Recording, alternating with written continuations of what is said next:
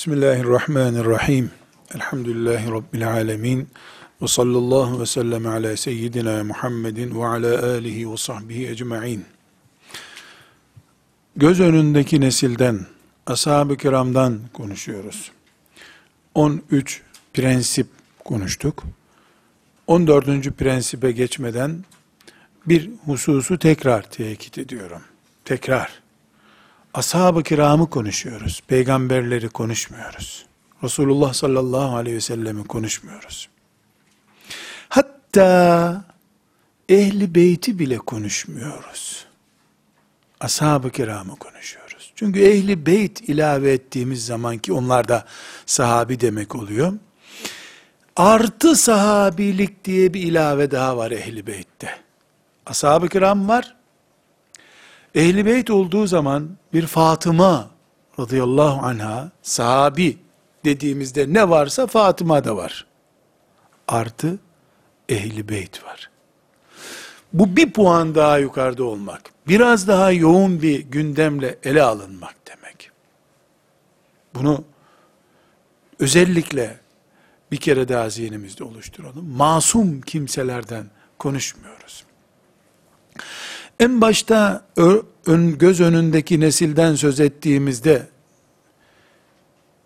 bu gerçekleri direkt ve dolaylı olarak farklı başlıklar altında tekrar etmiştim. Demiştim ki henüz 14. maddeye geçmeden bir kere daha bunları hatırlayalım istiyorum.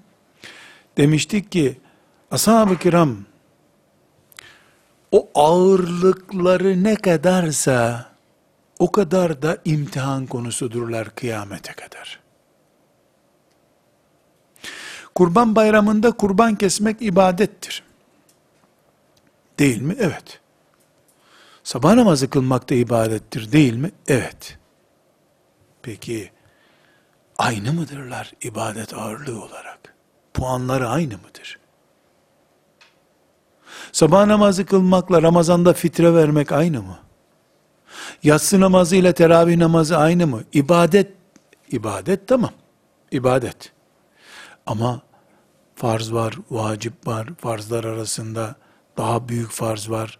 Namazlar arasında fark var. Cuma namazı ile öğle namazı aynı mı? Ashab-ı kiram sıradan yedinci kuşak nesil olsalardı, Müslüman olarak bir farklılık olmayacaktı sahabi oldular, dinde farklı bir ağırlıkları oluştu. Dolayısıyla bir Müslümana yan bakmakla ashab-ı kirama yan bakmak aynı yan bakma değildir. Bu sebeple biz maddeler halinde ashab-ı kiramı bağrımıza basış tarzımızı konuşup değerlendiriyoruz. Meselemiz budur. 14. maddeye geldik. Ashab-ı kiramla ilgili olarak.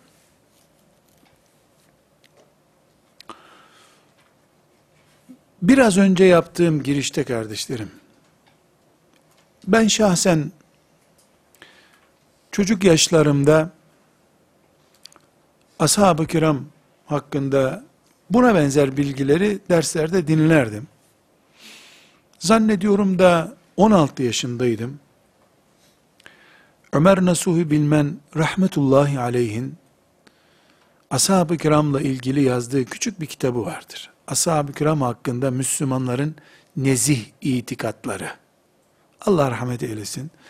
Kendi döneminde gerçekten güzel bir çalışma yapmış e, herhalde zanla söylüyorum, o zamanki İstanbul müftüsü olduğu zamanlarda ashab-ı kirama karşı yapılan e, seviyesiz ithamlara, kendisine gelen sorulara verdiği cevaplardan oluşuyor. Dur zannediyorum.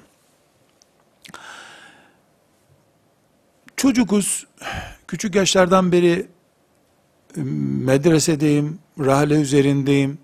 Böyle bir algı tarzım var ashab-ı kirama karşı. E peygamberden sonraki en büyük adamlar diye çocukça düşünüyorum.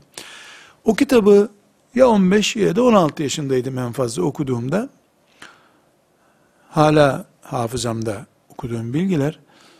Onu okuduktan sonra Arapça derse gittiğim bir hocam vardı. Ona dedim ki hocam israf değil mi bu kitabı yazmak dedim ya. Niye dedi? Ya ashab-ı kiram hakkında kimse bir şey dedi yok ki zaten. Niye yazılmış ki bunlar? Yani şöyle hakaret olursa böyle olur gibi konular konuşuluyor orada. Hiç unutmuyorum hocam baktı. Zavallı çocuk der gibi kıs kıs güldü bana. Şimdi bana göre ashab-ı kiramı herkes seviyor zaten. Ne bileyim Şiiliğin temelinde ashab-ı kirama karşı gelmek var. Ne bileyim haricilik demek ashab-ı kiramın da ölümüne karar vermek demek. Yani böyle şeyler anlamıyorum. Genelde biz eğitimi hep cici taraflarından konuları anlatarak verdiğimiz için günün birinde bir e, facia ile karşılaşıldığında ya da acı yüzüyle olayların karşılaşıldığında çöküyor zihin.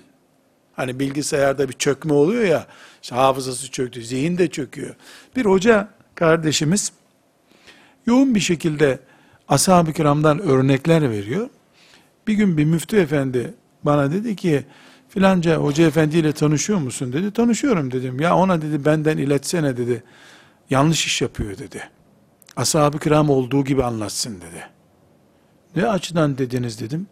Yahu dedi ashab-ı kiramın dedi sadece dedi peygambere itaat ettiklerini, hep sabaha kadar namaz kıldıklarını, ellerine geçen her şeyi infak ettiklerini, hiç ağızlarından bir hatalı söz çıkmadığını söylersen dedi. E, birisi de kalkar bir hadis kitabında nasıl kavga ettiklerine dair bir şey okur, çöker adam o gün dedi. Hayalperest bir sahabi olmaz. Olduğu gibi ashab-ı kirama inanacağız çünkü Allah olduğu gibi kabul etti onları. Sadece iyi taraflarını, güzel taraflarını almadı Allahu Teala. Olduğu gibi radıyallahu anhum oldu. o gün hakikaten ben de bu çıkıştan etkilendim. Sonra dedim ki hoca efendi ben örneğim burada dedim. Ömer Nasuh Bilmen'in kitabını okurken böyle şok geçirmiştim. Ne gerek var bunları yazmaya? Kim ashaba söver ki? Geçti içimden. Bulsam Ömer Nasuh Bilmen'e de söylerdim bunu ama. Bana sadece cenazesine katılmak nasip oldu rahmetullahi aleyh. Ee, ama o zaman sağ olsaydı, ya hoca sen bunu niye yazdın diye derdim geliyor bana. Şimdi bakıyorum ki, aman Allah'ım, meğer ki kıymetin kadar sövenin de oluyormuş. Düşmanın da oluyormuş. Hayat böyle bir gerçek. Bir gün bu konuyu 3-4 hoca muhabbette konuşuyoruz. Böyle bir değerlendirmem var demiştim. Bana dedi ki genç bir hoca efendi, sizi de yani değerlendirmeniz bakımından örnekler olarak zikrediyorum. Ya Nurattin dedi, güneşin üzerimizdeki nimet oluşunu, kıymetini nasıl anlatabilirsin dedi. Dedim, nasıl? Ya dedi, güneş nimet mi nimet? Say bakalım bu nimetin faydalarını. Sayılır mı dedim ya. Sayılmıyor. Güneş olmasa hayatımız olmuyor zaten. Sebepler olarak yani allah Teala onu sebep olarak yaratmış. Bir Ağustos gününde dedi uf puf ederek güneşe hakaret eden insanları sayabilir misin dedi. Hakikaten ya dedim. Uf oradan buradan ya çok sıcak bugün. Ya ayarı yokmuş şu güneşin kısım. Bunu diyecek insanlar neredeyse. Kumandasını bulup güneşin elinden. Ya insanoğlunun dedi Güneşe bile elinden gelse taş atası gelirdi. Ashab-ı kiram rahat bırakarlar mı dedi ya. Böyle bir argoca da olsa hoşuma gitti bu benzetme. Burada arkadaşlar 14. maddede ashab-ı kirama hakaret neye mal olur? Bunu değerlendirmek istiyorum. Ama bu girişleri hep niye yaptım? 10 dakikadan fazladır giriş yapıyorum bu cümlelere. Neden? Çünkü ola ki genç kardeşlerimin aklına gelir. Zaten kim ashab-ı kirama hakaret eder? Ben öyleydim. Çocuk. Gerçi şimdiki nesil e, övmekten önce hakareti öğreniyor ashab-ı kirama maazallah. Ayrı bir konu da belki bizim kuşağımızda yoktu böyle bir. Çünkü şimdiki nesil hatalı sahabileri buluyor ne hikmetse. Ama her halükarda önce zihnimizde bir altyapı oluşsun istiyorum. Ashab-ı kirama hakaret maalesef realitedir. Var. Ashab-ı kirama hakaret etmeyi İslam'a hizmet eden bir anlayış gibi gören güruh var. Ne yazık ki. Ne yazık ki. Bunu hem inşallah biz böyle değiliz demek için hem de Rabbim bize de onlara da hayrı gösterip e, en azından ashab-ı kirama dil uzatmadan huzuruna çıkmayı kolay kılsın, buna vesile olsun diye tekrar ediyorum. Kardeşler, sadece ana hatlarıyla zikrediyorum. Ashab-ı kirama hakaret var. Müslümanlar arasında. Kafirler ne derse desin zaten yani. Hiç. Kafirin varlığı söz konusu değil ki akidemizde sözü söz konusu olsun. Hatta hatta ashab-ı kiramdan söz edilirken imanlarından bile konuşan olmuştur. Oluyor da. İman. Mümin olup olmamaları. Bunca ayete rağmen. Bunca hadisi şerife rağmen. Bu sebeple bizim ashab-ı kiram hakkında bir bütün olarak ee, boş ver şeklinde aşağılayıcı bir ifade kullanırsak veya aralarından irtidad eden yani sahabi olmak şerefine kavuştuğu halde daha sonra ashab-ı kiramın o büyük coşkulu manzarasına dayanamayıp Allah muhafaza buyursun en kötü hal olan irtidat, İslam'dan geri gitme. Ashab-ı kiram olup sonra irtidat eden olmuştur. Bunlar bize ulaşanları 5-10 tane el kadar değildir. Yüzlerce değil yani. 3, 5, 10 diye sayılabilecek bir grupturlar. Belki isimleri bize ulaşmamış bir 10 tane daha vardır. Ama 120 bin kişinin içerisinde 15 kişi, 20 kişi irtidat etti diyelim. Dinden geri çıktı. Bu ashab-ı kiramın bütününde yok durumundadır. Zaten onların isimleri sabit. Onları biz sahabi saymıyoruz. Müslümandılar. İslam nimetinin kıymetini bilmediler. Helak olup gittiler diyoruz. Onları zaten yok sayıyoruz biz. Öyle bir dert yok. Dert nerede kardeşlerim?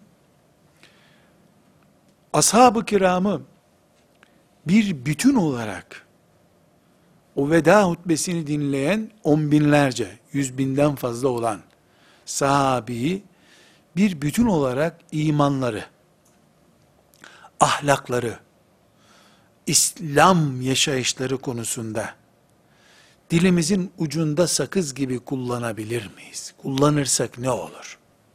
Cevap, Kur'an'ı ne kadar konuşabilirsek, ashabı da o kadar konuşabiliriz. Neden? Neden? Cevap, şundan dolayı. Mesela, hepimizin bildiği, Bakara suresinin ilk ayetleri. Elif, la, mim, zâlikel kitâbü la raybe fî, huden lil muttakîn. Sadakallahul azim. Bu ayetlerin Kur'an ayeti olduğuna dair göklerde mührü basılmış bir belge mi var elimizde? Yok. Bunların ayet olduğu neyle sabit? Canım, ne demek ya? Biz bu topraklarda on binlerce hafız vardı, onlardan dinledik. Onlar nereden dinledi? E onlar da filanca hafızlardan dinlediler. Onlar nereden dinledi? Onlar nereden dinledi? Dinledi, dinledi. Kime gidiyor bu zincirin halkası? Ashab-ı kirama gidiyor. Zerkel kitabü la raybe fî hudellil muttakin okuyorsun. İçimizde bir güven var.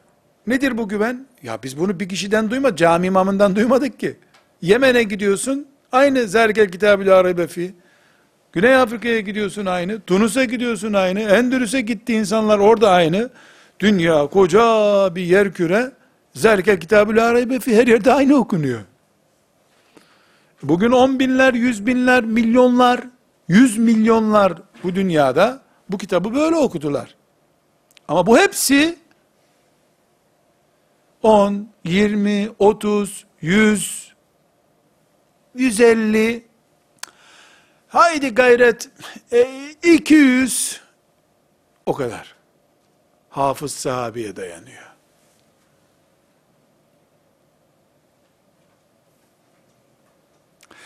Türkiye'de Cumhuriyet kurulduktan sonraki kaos döneminde hafızlar medreselerinden kovuldu, e, asılanlar İskilip Atıf rahmetullahi aleyh gibi idam edilenler, şehit edilenler oldu, sindirildi, Kur'an okumak yasaklandı vesaire vesaire. Ama Suriye yanı başında Türkiye'den kaçıp giden ilim talebelerini oturttu, misafir etti ve sahiplendi. Burada olmadı, yan tarlada mahsul oldu. Kur'an'a bir şey olmadı. Yani Türkiye'de bir zulüm yapıldı Kur'an'a. Suriye o açığı kapattı. Komünizm, Bolşevizm ihtilali oldu Rusya'da. Sindirilmek istendi. Hala Doğu Türkistan'daki kardeşlerimiz mesela öyle bir sinme baskı altındalar. Oradaki açığı Irak'taki çalışmalar kapattı. Yemen'deki çalışmalar kapattı. O olmadı orası var. Ashab-ı kiramda bir sorun olursa nereye taşıyacaksın Kur'an'ı? Alternatifi yok ki. İkincisi yok ki. Ashab-ı kiramın ismi üzerinde ne kadar oynayabilirsin? Kur'an'la oynayabildiğin kadar. Onun için diyoruz bunu. En baştaki cümleye tekrar dönüyorum ama. Tek tek masumdular demiyoruz. Kitle olarak, sahabe kitlesi olarak masumdular. Ama bu okuduğumuz ayeti mesela, Zelikel kitabu la raybe fi, Huden lil muttakin ayeti, yani bildiğim çoğumuzun bildiği ayet olduğu için onu okuyorum. Bu ayeti, 120 bin sahabi aynı anda bize nakletmedi. Hepsi hafız değildi çünkü. Çok, yani, bilmiyorum, bini toplamak çok zor herhalde. Mesela, ulemanın, e, işte Zehebi'nin Büyük Hafızlar isimli kitabı var. Binlerce isim yok orada mesela. Kat'i olarak iyi hafız, işte Kur'an'a ezber yoluyla hizmet etmiş olarak bilinen yüzlerce sahabi yok. Vardı belki ama bize ismi ulaşmış değil en azından. Bir, iki, her ayeti hepsi o anda duyup hepsi aynı hafız olmadı ki. Bakara suresinin ayetlerini Übey ibn Ka'b ezberledi. Ali İmran suresi ayetlerinde de Ebu Musa ile Şar oradaydı. O ezberledi. Maide suresinde gibi ayeti de İbni Mesud onlardan önce duymuştu. Mesela Felak Nas suresini İbni Mesud hepsinden önce duymuştu. Sonra bunlar e, ashab-ı kiramın e, Allah onlardan razı olsun Kur'an'ı cem ettiği zaman bütün sahabilerdeki bilgiler toplandı. Ashab-ı kiram e, işte Kur'an'ı cem ettiler ya Ebu Bekir radıyallahu anh döneminde toplandı bu bilgiler. Bu toplanmış bilgiler Zeyd'in komisyon başkanı olduğu yerde toplandı. Onlar Musaf'ı bugünkü hale getirdiler. Böyle kapakların arasına koydular. Yazdılar derilere, nereye yazdılarsa. Sonra e, Ebu Bekir radıyallahu anh onu ashaba arz etti. Resulullah'ın sağlığında hafız olanlar, Bakara suresini bilenler, Ali İmran suresini bilenler, kim ne biliyorsa gelin dendi. Resulullah'tan duyduğunuz en son Cebrail'in önünde mukabele ettiği Kur'an bu mudur? Dediler. Ashab-ı kiram da evet böyle şahidiz. Cebrail'in getirdiği Kur'an budur dediler. Bin, iki bin, on bin, yirmi bin, seksen bin, doksan beş bin, yüz bin sahabe. Budur dediler. Artık kıyamete kadar perçinlendi. Hiçbir Allah'ın kulu, insan veya cin çıkıp da ya Bakara suresinin yeri yanlış, o aslında Maide suresinden sonraydı diyemez. Böyle gördük Resulullah'tan diyen on binler oldu. Resulullah da Cebrail'den aldı aleyhissalatü vesselam. O da Allah'tan aldı. Garanti. Ama O zelikel kitabu la fi ayetini hangi sahabinin kaç sahabinin ezberleyip orada konması uygundur dediğini bilmiyoruz. Herhangi bir sahabinin e, vakarıyla, imanıyla, şahsiyetiyle oynadığın zaman Kur'an'da hangi ayetin nereye sarsılacağını bilemezsin. O yüzden eğer bu ümmet kitabı, Kur'an'ı kıyamete kadar korumak gibi bir iddia sahibi ise, bu iddiada gerçekçi ise, ashab-ı kiramı rahat bırakacak. Radıyallahu anh. Her şeye rağmen rahat bırakacak. Ashab-ı kirama dil uzatıldığında, Ebu Bekir'e filan demiyorum. Ömer'e demiyorum. Ebu Bekir, Ömer, ya bırak, o, hiç konuşmuyoruz. Sıradan, öyle Ebu Bekir, Ömer filan bile olmamış. Mesela çocuk sahabiler var. Resulullah sallallahu aleyhi ve sellem vefat ettiğinde çocuk yaştaydı. İbn Abbas onlardan biriydi mesela ama İbn Abbas alim. Alim olmayan çocuk sahabiler var mesela. Onlar da dahil ashab koca bir kubbenin adıdır. Büyük bir kubbe.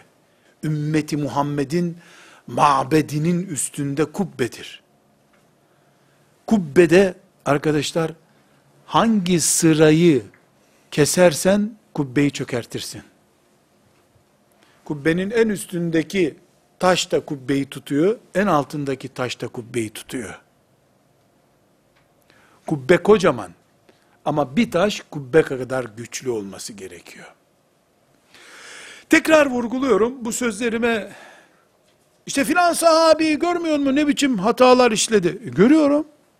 Allah ona rağmen onları kabul ediyor. Alime ma fi kulubihim diyor. Kalplerini gördü Allah diyor. Buna rağmen razı ol.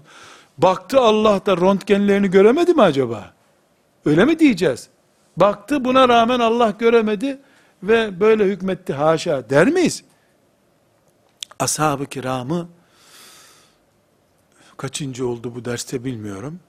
Ama tekrar ediyorum. Takdis etmiyorum. Mukaddes adamlar demiyorum.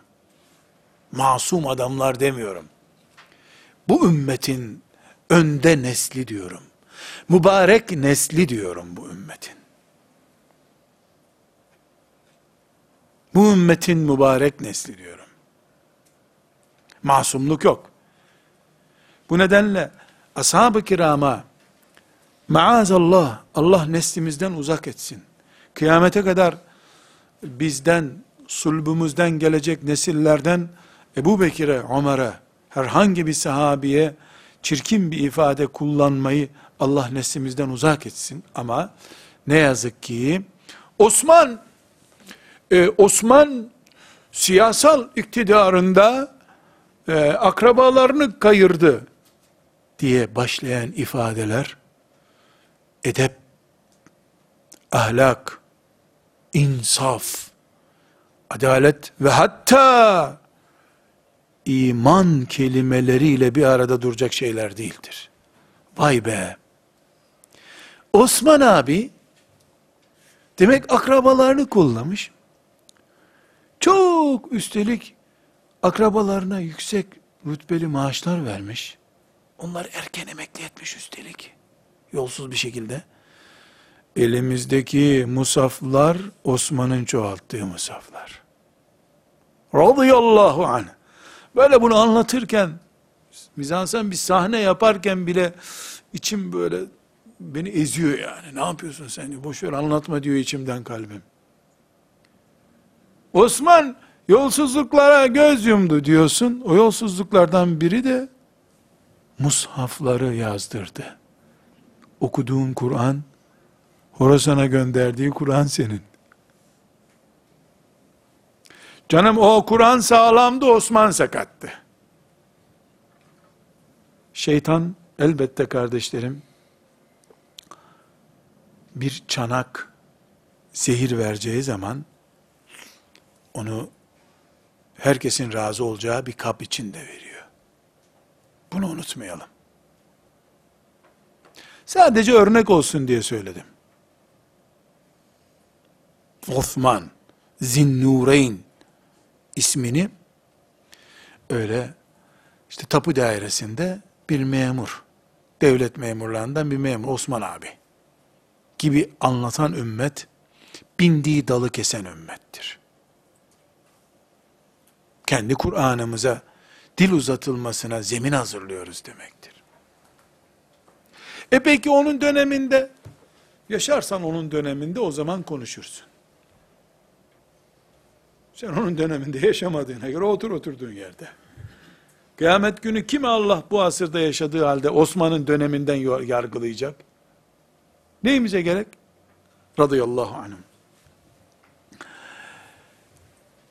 İkinci noktası bu o da 14. maddede ashab-ı kiramı söversek, hakaret edersek maazallah, dil uzatırsak, bu Kur'an'la sürtüşmek olur. Bindiğimiz dalı kesmek olur dedik. İkinci olarak, bu ümmet, önceki kuşaklarına lanet eden bir ümmet olduğu sürece insanlığın umudu ümmet olabilir mi? 7 milyarı bağrına basacak iddialarla çıkıyorsun, 100 bin sahabi bağrına basamıyorsun. Geçmişinle savaşın var, insanlığın gelecek kuşaklarına hitap etmek istiyorsun. Bu yanlış. Bu yanlış. İnşallah bu yanlışta yokuz. Aynı şekilde bir sıkıntı daha var. Allah Azze ve Celle isim isim vererek ashabı anmıyor. Grup olarak anıyor. Ensar diyor. Muhacir diyor. Dolayısıyla listeyi Allah önümüze koyup 1, 2, 3, 4, 117 binden sonrasını yok sayın diye bir liste vermiyor ki bize Allah. Toplu olarak zikrediyor. Biz 10, 20, 30 sahabiyi dışlarken bu büyüklük listesinden hangi veriye göre dışlayacağız? Allah topluca zikrediyor. Sahabilik veya açılımı yapıldığında ensar olmak, muhacir olmak baz alınıyor Kur'an'da. Övgü, övgüde. Hangi kabiliyete göre ya da hangi yetkiye göre bir grubunu dışlayabileceğiz ashab-ı kiramın? Eğer dışlama, hakaret etme, o seviyesi düşük deme yetkimiz varsa, demek ki ciddi bir sıkıntı bu. Ve bu 14. maddenin soruları var dedik. Şimdi burada not tutan kardeşlerim kırmızı kalın ispirtolu kalemle bunu yazsınlar.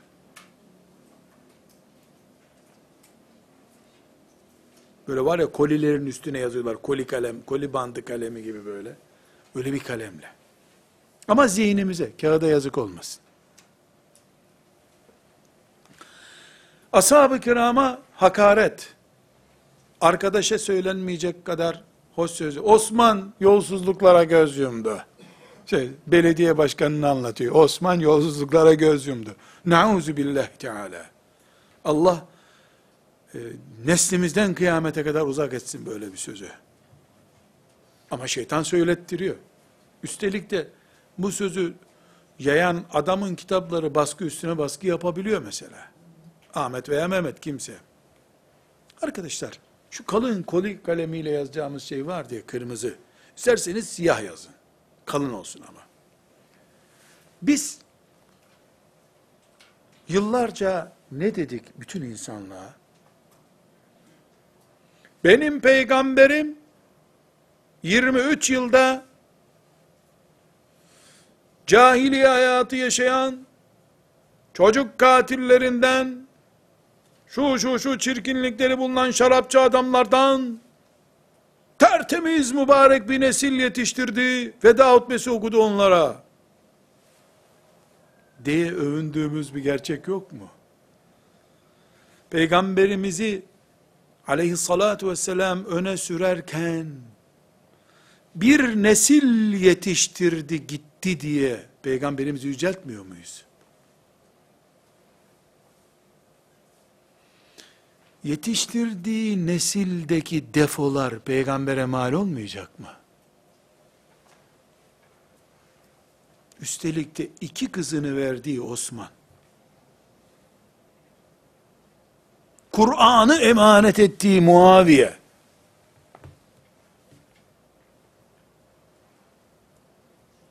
Ben olmasaydım herhalde Ömer olurdu dediği Ömer. Bu büyük koli kalemiyle yazacağımız şey bu. Övünüyorduk peygamberimiz koca bir nesil yetiştirdi diye. Bu yetiştirmedeki nesil nereye gidecek?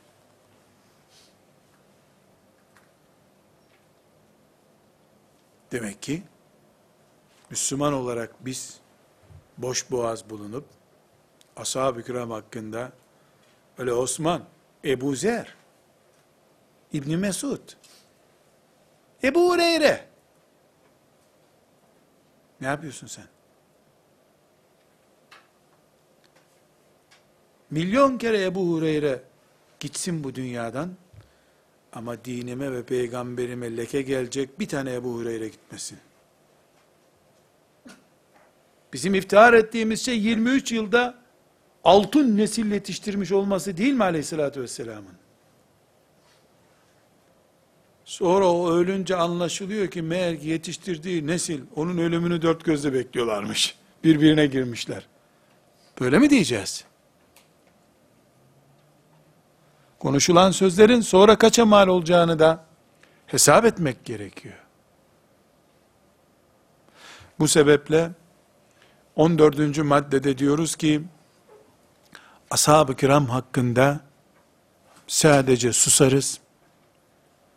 Onların hakkında ileri geri konuşmayı imanımız açısından kabul edemeyiz. Konuşulduğunda elbette oturup yumruklaşmamız, birbirimize girmemiz gerekmiyor. Çünkü Müslümanların buna tahammül edebilecekleri esnek oranı kalmamıştır ilişkilerinde. Yeteri kadar Müslümanlar olarak biz birbirimizi tahammülsüz bir şekilde iter hale geldik. Ashab-ı kirama veya diğer bizim açımızdan akidemizle bağlantısı olduğunu düşündüğümüz konulara muhalif olanlar açısından biz ne yaparız? Akidemizi kururuz. Biz böyle düşünüyoruz deriz. O ise aykırı düşünüyordur. Karşı düşünüyordur. Herkes mezara tek başına girecek. Herkes mezara tek başına girecek. Koyun kendi bacağından asılıyormuş filan. Bu örneğe gerek yok. Mezara tek gireceğiz. Mezara girildiğinde nekir münkerin soruları var. Bu sorular benim kendi cevap vereceğim sorular olacak.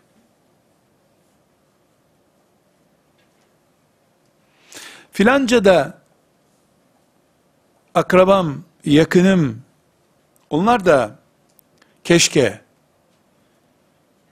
ashab-ı kiram hakkında temiz düşünseler. Elbette isterim, gayret ederim. Ama ben mezara tek gireceğim. Kendimi düşünmek zorundayım. İki kişi girseydik mezara, ortak bir kolektif sorunumuz olurdu. Kimseyi mezara çift koymuyorlar. Sadece katliamlara kurban gidenlere büyük bir mezar yeri kazıp koyuyorlar.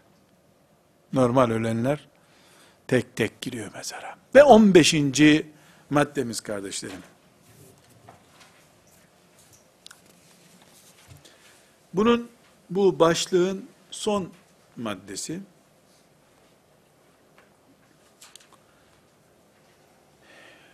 Ashab-ı kiram radıyallahu anhum cemiyen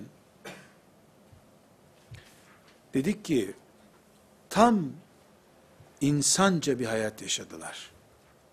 Bu insanca kelimesiyle insanların yaşadığı gibi anlamında insanca diyorum. Biz ashab-ı kiramı Medine'de mescitte ibadet ederken, Uhud'da kılıç sallarken, Resulullah sallallahu aleyhi ve sellemin mektubunu Konstantiniyye'ye getirirken, Mısır'a taşırken görüyoruz. Her işi yaptılar. Resulullah sallallahu aleyhi ve sellemin sağlığında da, e, vefatından sonra da, o imanı da korudular. Bir bütün olarak, aralarında, her insanın arasında olabilecek sürtüşmeler oldu. Baba oğul olarak aralarında sürtüşme oldu. Şimdi nasıl baba oğul, anne kız tartışıyorlar. Ashab-ı kiramın da aralarında o. insandılar çünkü.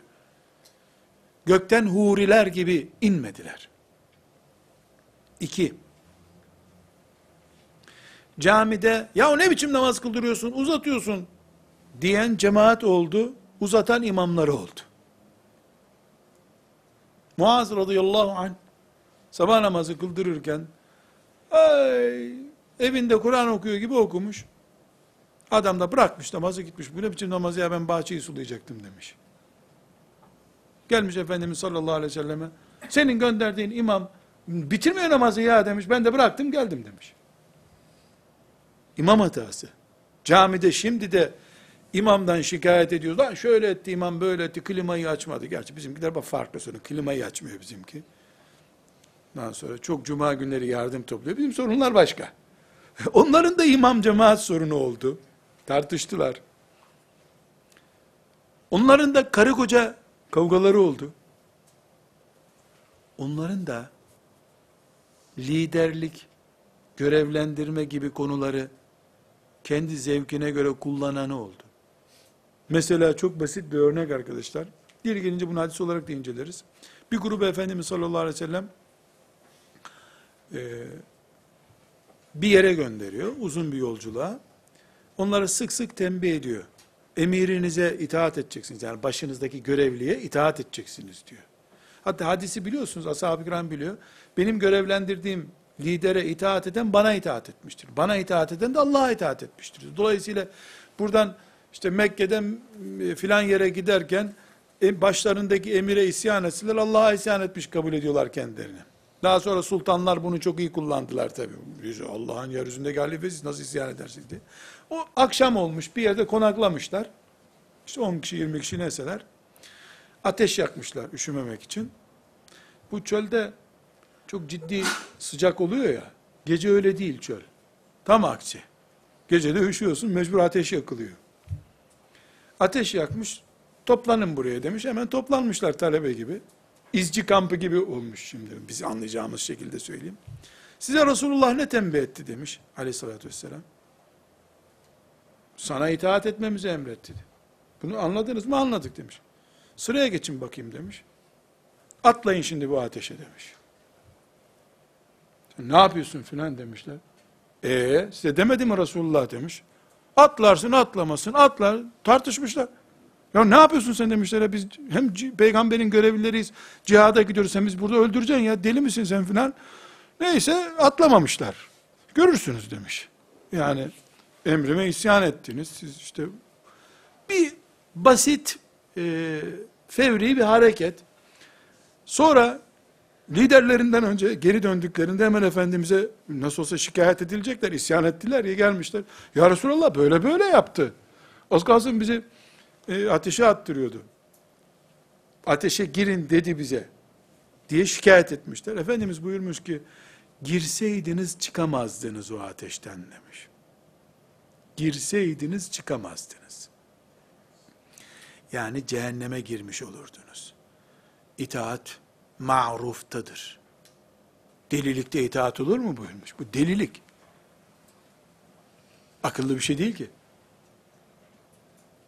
Şimdi buradan ne anlıyoruz? Yani ashab-ı kiram bu da olmuş ashabın döneminde. İnsanlar çünkü Allah onlardan razı olsun. Bu olayın faili sahabiye yani adam yerine konsam kıyamet günü hadi sen de bir teşekkür et dense buna bir teşekkür ederdim herhalde. Bu atlayın diyen sahabi var ya. Size peygamber demedim bana itaat edeceksiniz. Kamp başkanı benim işte atlayacaksın diyen sahabiye gidip şöyle bir sarılıp öpesim geliyor kıyamet günü. Neden biliyor musunuz? Aptal itaatin olmayacağını, akıllıca bir şeyin itaatin olacağının bize ulaşmasına sebep oldu Allah ondan razı olsun. Dinin en dinamik ve orijinal kurallarından biri onun sayesinde olduk. Demek ki Allahu Teala bize örnek üzerinden film gibi bir sahneyle ders vermeyi murad etmiş.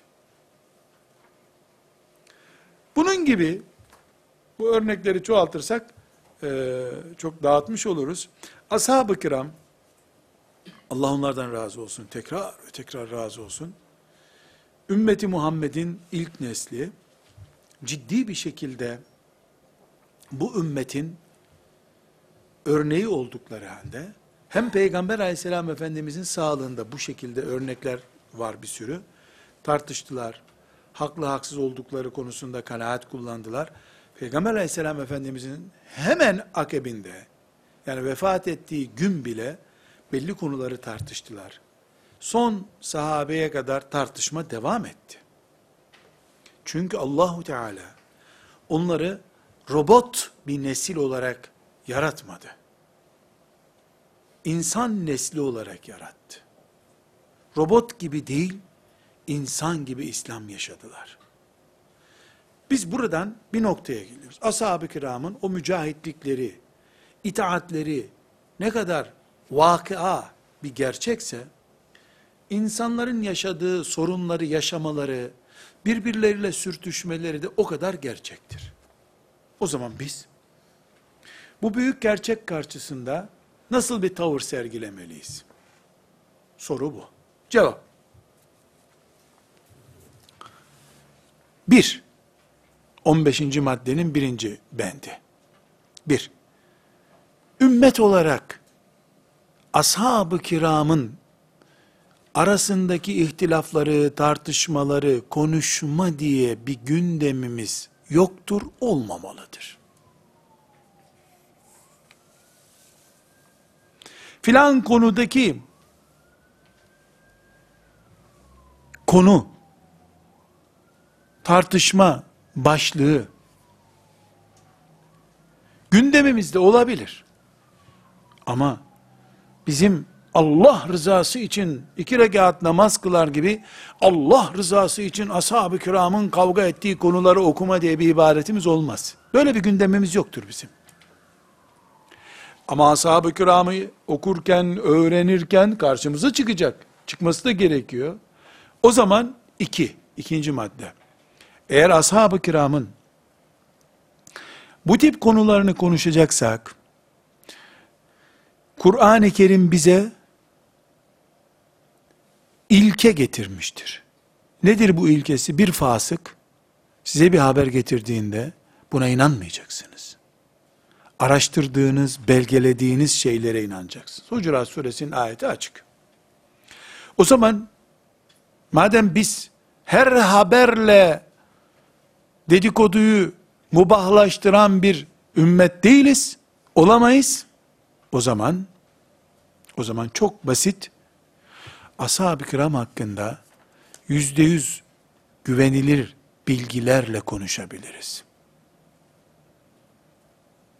Zanla, kanaatle, bir oryantalistin yorumuyla ya da bir grupçu, bir mezhebe kilitlenmiş, Şia mezhebine kilitlenmiş, harici mezhebine kilitlenmiş, e, Mu'tezile mezhebine kilitlenmiş, İbadiye mezhebine kilitlenmiş, neyse yani bir mezhebe kilitlenmiş, başka bir şey görmeyen, taassupla bakan bir Müslümanın kanaatiyle Allah'ın örnek verdiği bu nesli kirletemeyiz.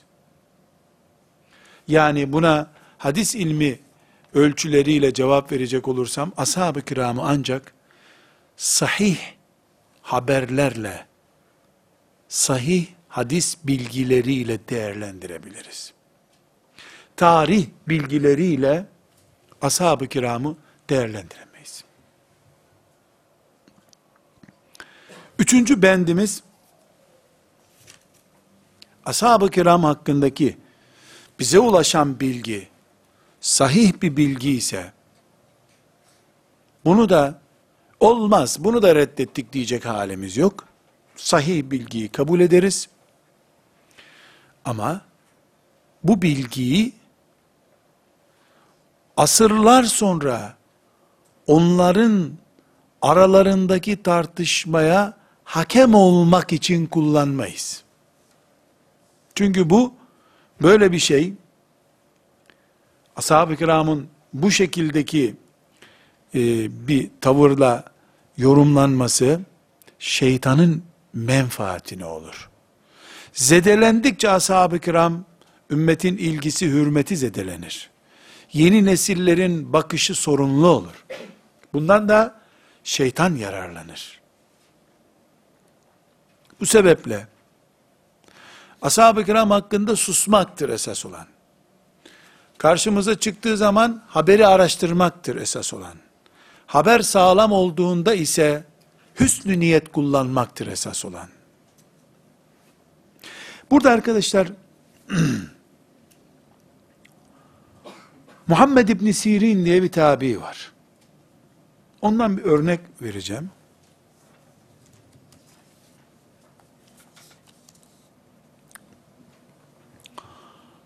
Ali ile Muaviye radıyallahu anhumanın aralarındaki meşhur Sıffin savaşını değerlendirirken Muhammed bin Sirin diyor ki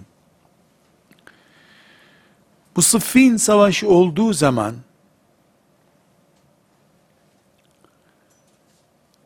Ali ile Muaviye'nin savaşında 10 binden fazla sahabi sağdı. Şimdi dikkat ediniz. 10 binden fazla sahabi sağdı. Bu rakam belki de 20 bine de ulaşabilir. Ama Muhammed bin Sirin ortalama bir rakam veriyor. Ali ve Muaviye'nin yanında yer alan, savaşa fiilen katılan sahabi sayısı ise 30'dan fazla değildir diyor. Muhammed bin Sirin bu olaydan 5-10 sene sonra yaşamış birisi. Bunu niye zikrediyor Muhammed bin Sirin? Ashab-ı kiram yanı başlarında Ali'nin haklı olduğunu da biliyorlardı üstelik.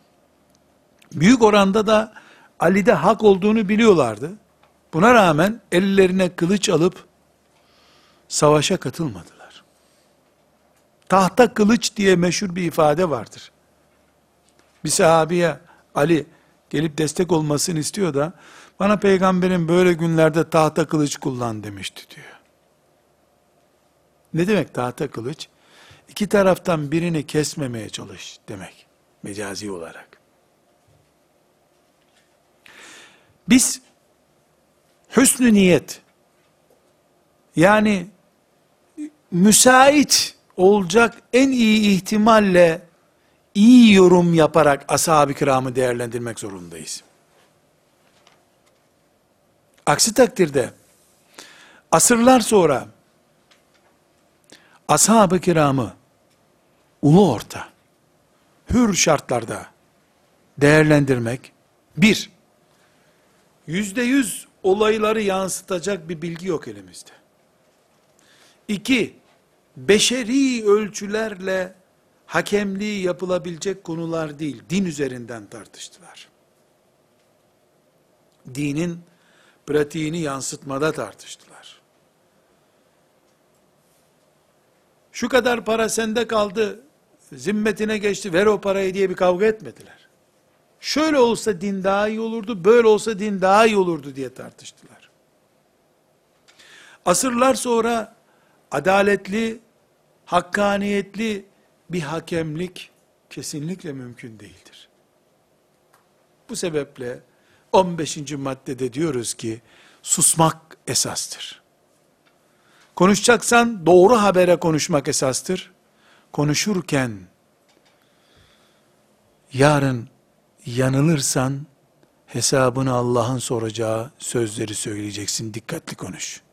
Esas olan budur. Böylece kardeşlerim 15 maddede bizimle ashab-ı kiramın bağlantısı üzerinden ashab-ı kiramı değerlendirdik. Allah onlardan razı olsun. Ashab-ı kiramı değerlendireceğimiz nice başka sebepler var. Ama bu dersteki başlıkta ne demiştik? Ashab-ı kiramı bizi ilgilendiren boyutuyla değerlendirmek istiyoruz biz. Onların faziletleri, işleri vesaireleri bunlara girmiyoruz. Girmemize de hacet yok zaten. İnşallah Rabbim bu gayretimizi dünyadayken hakikati öğrenmeye vesile kılar. Ahirette de bu insanların şefaat ettiklerinden olmaya vesile kılar inşallah. Temennimiz budur, hasretimiz budur. Bu başlığı bitirmeden önce, öndeki nesil başlığını bitirmeden önce kardeşlerim, bir tür kapanış cümlesi olarak şu hakikati tekrar etmek istiyorum. Ashab bu ümmetin en önde neslidir. Bu ne demek? Vagon nesildir. Ama hangi vagon? Resulullah sallallahu aleyhi ve selleme dayanmış lokomotife ilk dayanan nesildir. Birinci vagondur. Kıyamete kadar gelecek kuşakları hep onlar çekecekler. Kader böyle tecelli etti. Çok büyük bir çile taşıdılar. Büyük bir yük aldılar. Bu yük kıyamete kadar hiç gündemden düşmemeleri demektir. Ya dostları tarafından hiç gündemden düşürülmeyecekler ya da kıymetlerini bilmeyenler veya düşmanlık edenler tarafından hiç gündemden düşürülmeyecekler. Yani dostları da düşmanları da ashabı gündemden düşürmeyecek. Bugün biz hangi taraftan dolayı düşürmüyoruz ashabı gündemden? O kararı veriyoruz.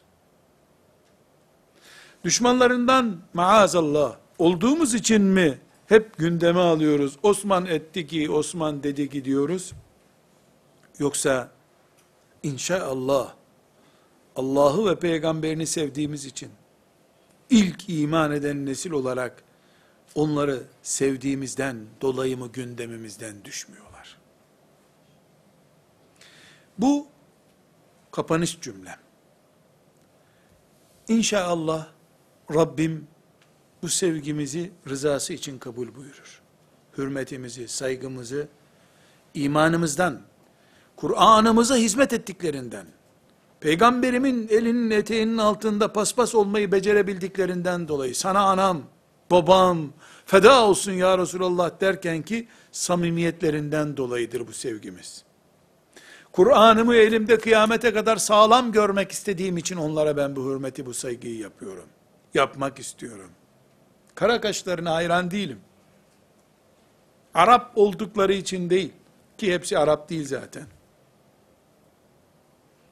Kardeşler tarafımız ashab-ı kiram tarafıdır. Ama uçan kaçan meleklere böyle roller yaptıran masal kahramanlarını konuşmadık biz. Hayatın ortasında, hayatın içinden, beyazıyla siyahıyla, kocasıyla karısıyla, hatalısıyla sevaplısıyla, hepsini konuştuk vatana hıyanet denen suçu işleyen sahabi de var. Medine'ye hacca gidenler, umreye gidenler Medine'ye ziyaret yaptıklarında Ravza-i Mutahhara'daki şu anda hala Ben yani bir 15-16 senedir maalesef mahrumum, gidemiyorum. Ama oraları görenler, Ravza-i Mutahhara'da hala eski koyu yeşile boyanmış direkler göreceklerdir. Bu direkler dokunulmamış, modernleştirilmemiştir. O direklerin her birinin adı vardır. Bir sahabiden bir yerde, mesela ağlayan kütük direği var orada. Efendimizin e, zamanında minber yapılınca Efendimizin üstüne oturduğu kütük çocuk gibi ağlamış. O kütüğü sonra ashab-ı kiram oraya defnetmişler. Üstüne de direk dikilmiş. Orada kendisini direğe bağlayan sahabinin hatırasına da bir direk var.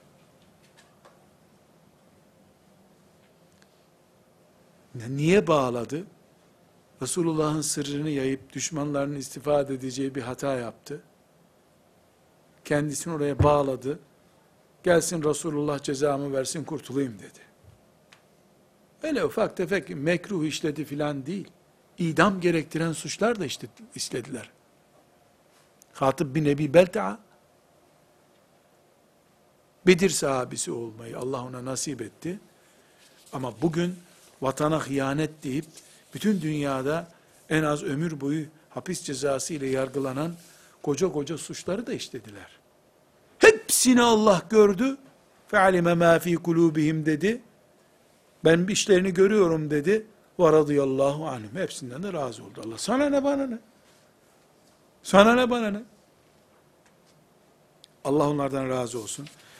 Bizi de onların iman ettiği değerler üzerinden Rabbim imtihan ediyor. Onları sevmemizi, onlara istiğfar etmemizi emrediyor. Onlar adına istiğfar edeceğiz, hürmet edeceğiz. Bizim kuşağımızdan öbür nesillere ashab-ı kiramla ilgili bir arıza, bir leke gitmesin. Her kuşak kendinden mesul, biz de kendimizden mesulüz. Bu imtihanı kazanalım diye gayret ediyoruz. Ve sallallahu ve sellem ala seyyidina Muhammed ve ala alihi ve sahbihi ecma'in velhamdülillahi rabbil alemin.